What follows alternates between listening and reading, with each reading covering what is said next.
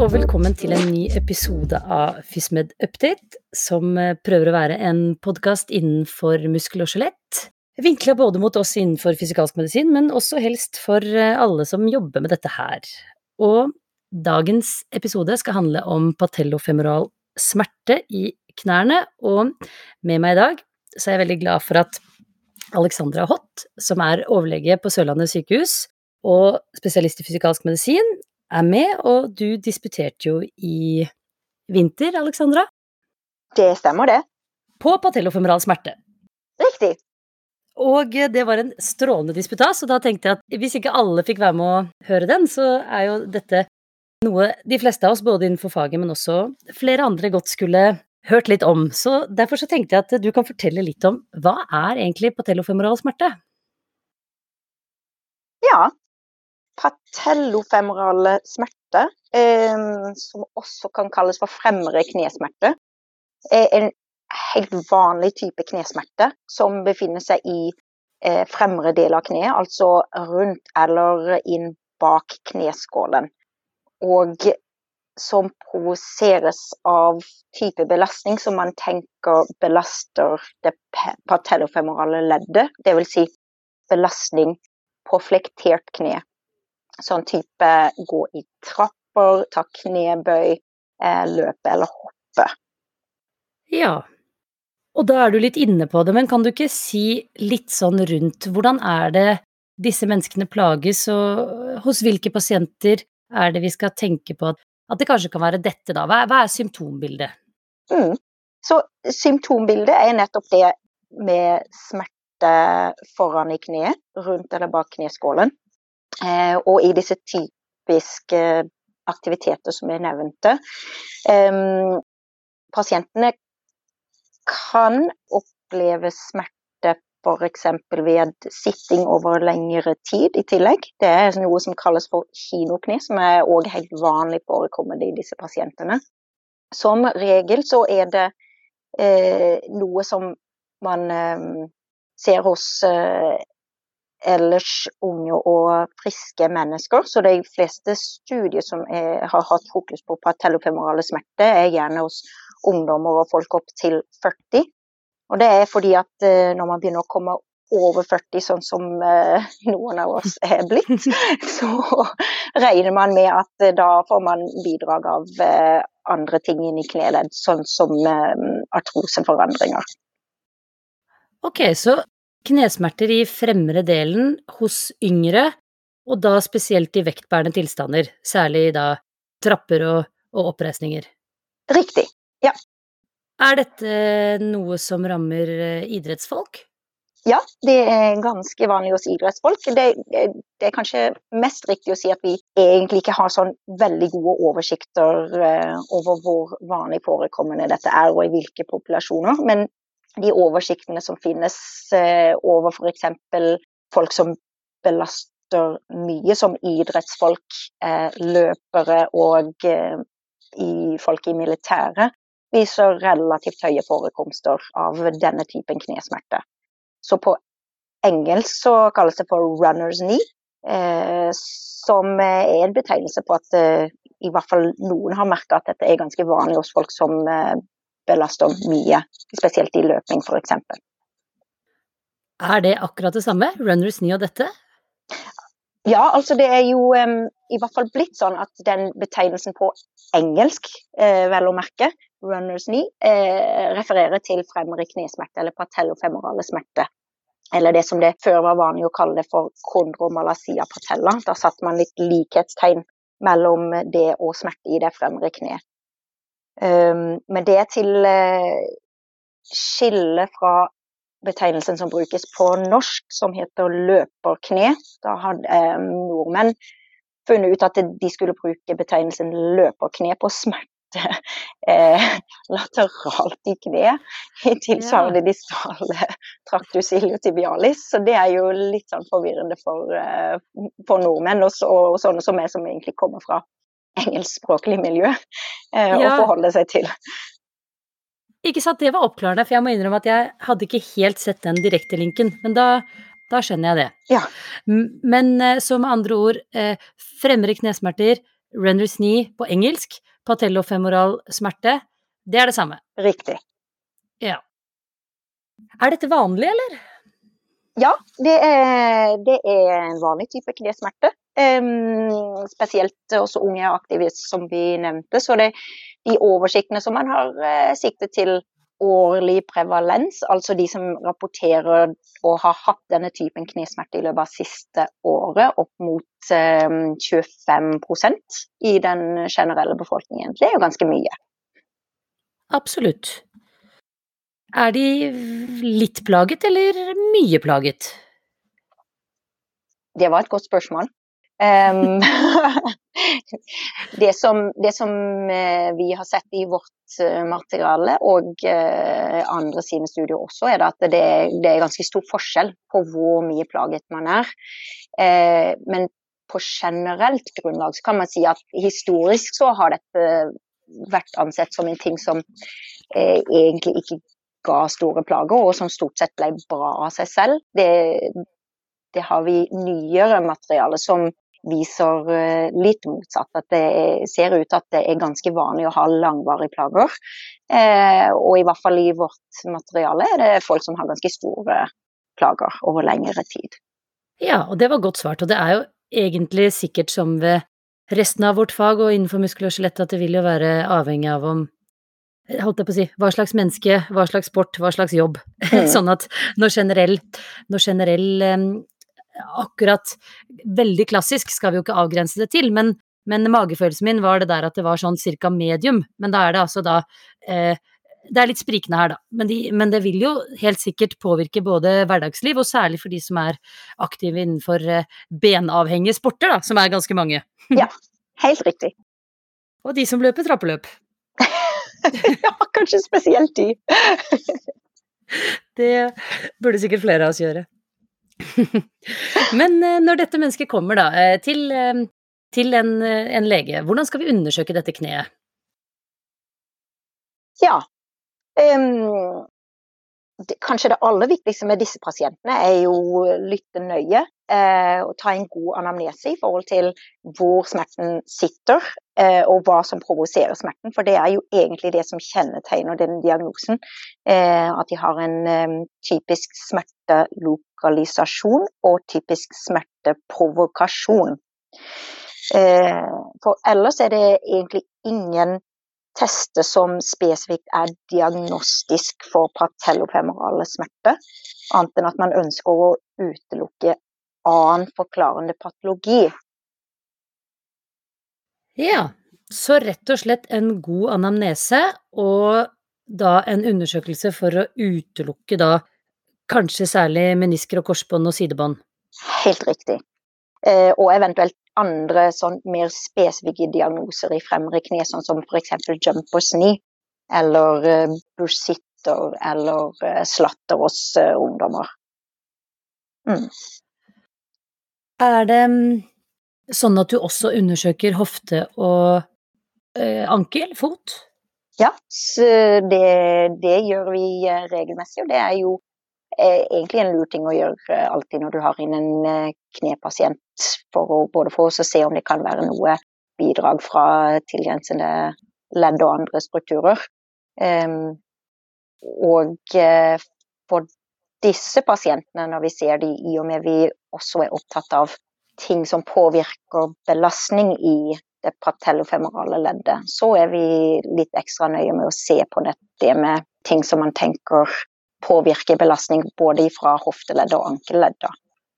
Ja, så du gjør, eh, er litt nøye på hele pakka, selv om klinikken kan passe? Ja. ja. Er det mm, sånn at du vil anbefale noe supplerende diagnostikk? MR, ultralyd, noe annet? Som regel ikke. Hvis man eh, har gjort en god anamnese og klinisk undersøkelse, så skal det som regel ikke være nødvendig å ta bildediagnostikk. Men de vanlige reglene eh, gjelder her også at eh, hvis du får napp på noe som gir mistanke om at det kan være noe annet, noe f.eks. større bruskskade eller annen intraartikulær patologi, så vil du være interessert i å ta bildediagnostikk for å undersøke det nærmere. Ikke sant. Men ellers, hvis du på en måte har fravær av andre, andre flagg, og dette undersøkelsen passer, så trenger man ikke noe mer for å bekrefte denne diagnosen, for du vil vel ikke se noe spesielt på en MR, eller? Riktig. Så det finnes ikke egentlig noen uh, bildemessige funn som er diagnostisk for patellofemoral smerte. Det er heller, uh, heller, det at det er fravær av annen patologi som gjør at, du, at man uh, lander i den retningen. Ja. ja, men da kan vi være trygge på det at man gjør en god kneundersøkelse og bildet passer, da, da, er det lov å si at dette kan være fremre knesmerter. Riktig. Er det Når vi da har kommet så langt, hva, hva syns du vi skal gjøre med disse her? Ja, så det er, det litt forskjellige meninger, men i vår studie så gjorde vi en sammenligning med strukturert opptrening. Um, med enten øvelser for kvadricepsmuskulatur eller for hoftemuskulatur. Og sammenligna det med å kun gi de samme rådene som uh, de to andre gruppene hadde fått, og sende pasienten ut for å trene på egen hånd. Og vi fant at det var like bra å gi gode råd og sende pasienten ut for å trene på egen hånd, som å sende inn til strukturerte øvelser hos eh, fysioterapeut. Så det er jo, det er jo en enkeltstudie, så det, det er en grense for hvor langt man kan trekke det. Men i hvert fall vårt materiale sier noe om at det er ganske viktig å, å gi en god forklaring på smerten og gi pasienten råd om å holde seg i aktivitet. Um, og kanskje ikke like avgjørende som man har trodd å gjøre strukturert opptrening hos fysioterapeut. Ja, og jeg tenker at selv om selv om det er en enkel studie, så er det jo en veldesignet studie. Og så tenker jeg at det er jo egentlig veldig mye av informasjonen rundt her som, som også passer veldig godt, da, men da for det første trygge med det at dette her eh, kan man fint leve med og trene med. Og så punkt to da, at det kanskje er viktigst at man bruker knærne, eller? Ja, helt riktig. Så det er jo eh, spesielt viktig i den informasjonen, i hvert fall etter min mening, er jo å eh, fastslå at eh, det her er vondt, men det er ikke farlig. Sant? Det er ikke noe mm. tegn til en skade inni kneet ditt, det er en belastningssmerte. Og så er det viktig å bruke kneet og muskulaturen rundt. Ja, ja men det er mm. fint. Det er fint. Og så er det jo egentlig fint å kunne si til pasienten at her kan man gjøre litt lystbetonte ting, da, istedenfor at man nødvendigvis skal følge et slavisk program. Ikke sant. Men jeg kan jo legge til at vi eh, for pasienter som har slitt lenge og har store plager, så bruker vi fortsatt eh, veiledet opptrening hos fysioterapeut. Og tenker at det kan være en viktig del av å hjelpe pasienten å komme, komme videre. Men i hvert fall etter studien som vi har gjort, så har vi begynt å tenke litt annerledes i forhold til hvilken funksjon denne opptreningen har. Vi tenker kanskje det er, den har en like viktig funksjon ved å lære pasienten at det faktisk er trygt å belaste og hjelpe å overvinne bevegelsesfrykt, som å påvirke spesifikke biomekaniske faktorer, sånn som man har trodd tidligere var funksjonen med disse øvelsene. Absolutt, og det var jo det er jo veldig spennende funn, og det veldig, hadde vært veldig kult å, på en del andre tilstander, for jeg, det er bare mitt hode, men tenker jo at det kanskje kan være sånn på en del andre ledd òg. At det er nok mest viktig at man gjør noe man liker og som er, skaper aktivitet og bevegelse, enn akkurat hva man gjør. Ja, altså det er jo eh, Her har vi ikke de endelige svarene, men det er jo i hvert fall ut fra, fra vårt uh, materiale, så, så, er det en konklusjon som vi har trukket, da. Ja, mm. det er gøy.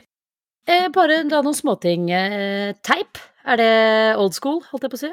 Nei, altså det, vi, vi har ikke veldig mye tung evidens for å støtte bruk av type, i hvert fall som en sånn eh, en ting som gir en varig bedring. Men i vår klinikk så bruker vi det noen ganger for å gi en smertelette på kort sikt, og tenker at det kan noen ganger hjelpe en pasient å komme videre i, en, uh, i det å bruke kneet. Så vi bruker det, men uh, litt sånn som jeg sa med øvelsene, vi tenker kanskje litt annerledes rundt hva funksjonen av teipen er. Um, mm. Ja. Mm. ja. Og så er jo Da betyr det at de som til nå har drevet med teip, til en viss grad kan fortsette fordi at om det ikke er det aller viktigste, så kan det kanskje hjelpe til, pluss at det kan jo også um, Hvis det er litt smertelindrende, er det jo fint, og så har jo ikke teip så mye bivirkninger. Nei, det har det ikke. Men um, jeg tenker vi, hvis, hvis, pasienten får en god smertelette av eh, teiping, så kan det være en god hjelp til å komme i gang og, og bruke knærne og, og, hjelpe å styrke opp eh, muskulaturen rundt. Mm. Smertelindring, er det som eh, resterende muskel og skjelett? At det er litt avhengig av behov, om det er lite eller mye, og, og om man skal forsøke NSIDES eller Paracet, eller er det noe eh, evidens rundt det? Ja, jeg vil si det. At det er ganske på lik linje med resten av muskel og skjelett. Eh, vi har ikke god holdepunkt for at det, at det er nødvendig, men eh, bruker det hvis det, hele det kliniske bildet tilsier det, da. Mm. Mm. Og da til slutt, hvordan eh, går det med disse her? Det var også et godt spørsmål.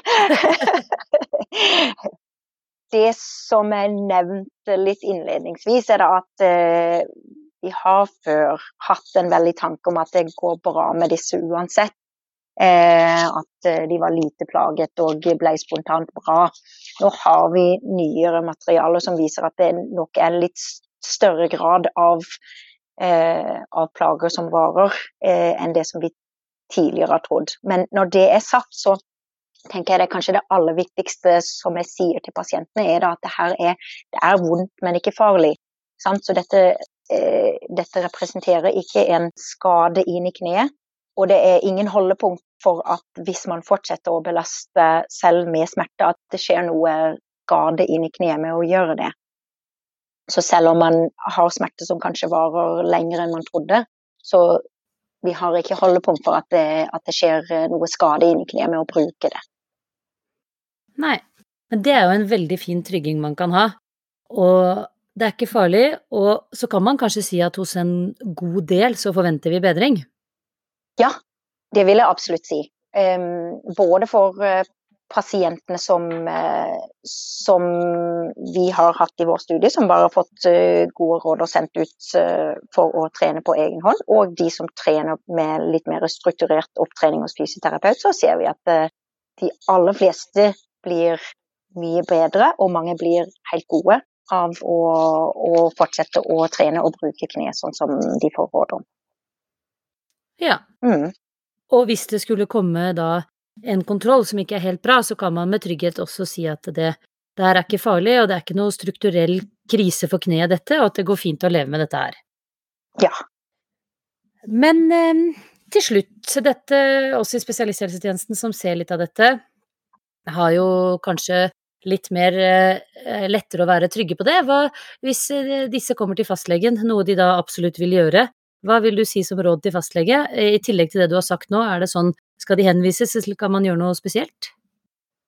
Jeg tenker at um, dette fint kan håndteres hos, uh, hos fastlege, litt sånn som jeg har sagt uh, frem til nå. Men altså en god anamnese og klinisk undersøkelse. Um, råd om å holde seg i fysisk aktivitet. Og så eventuelt vurdere å henvise til en fysioterapeut på strukturert opptrening hvis det ser ut at pasienten eh, har større plager og har slitt over lengre tid med sin daglige funksjon.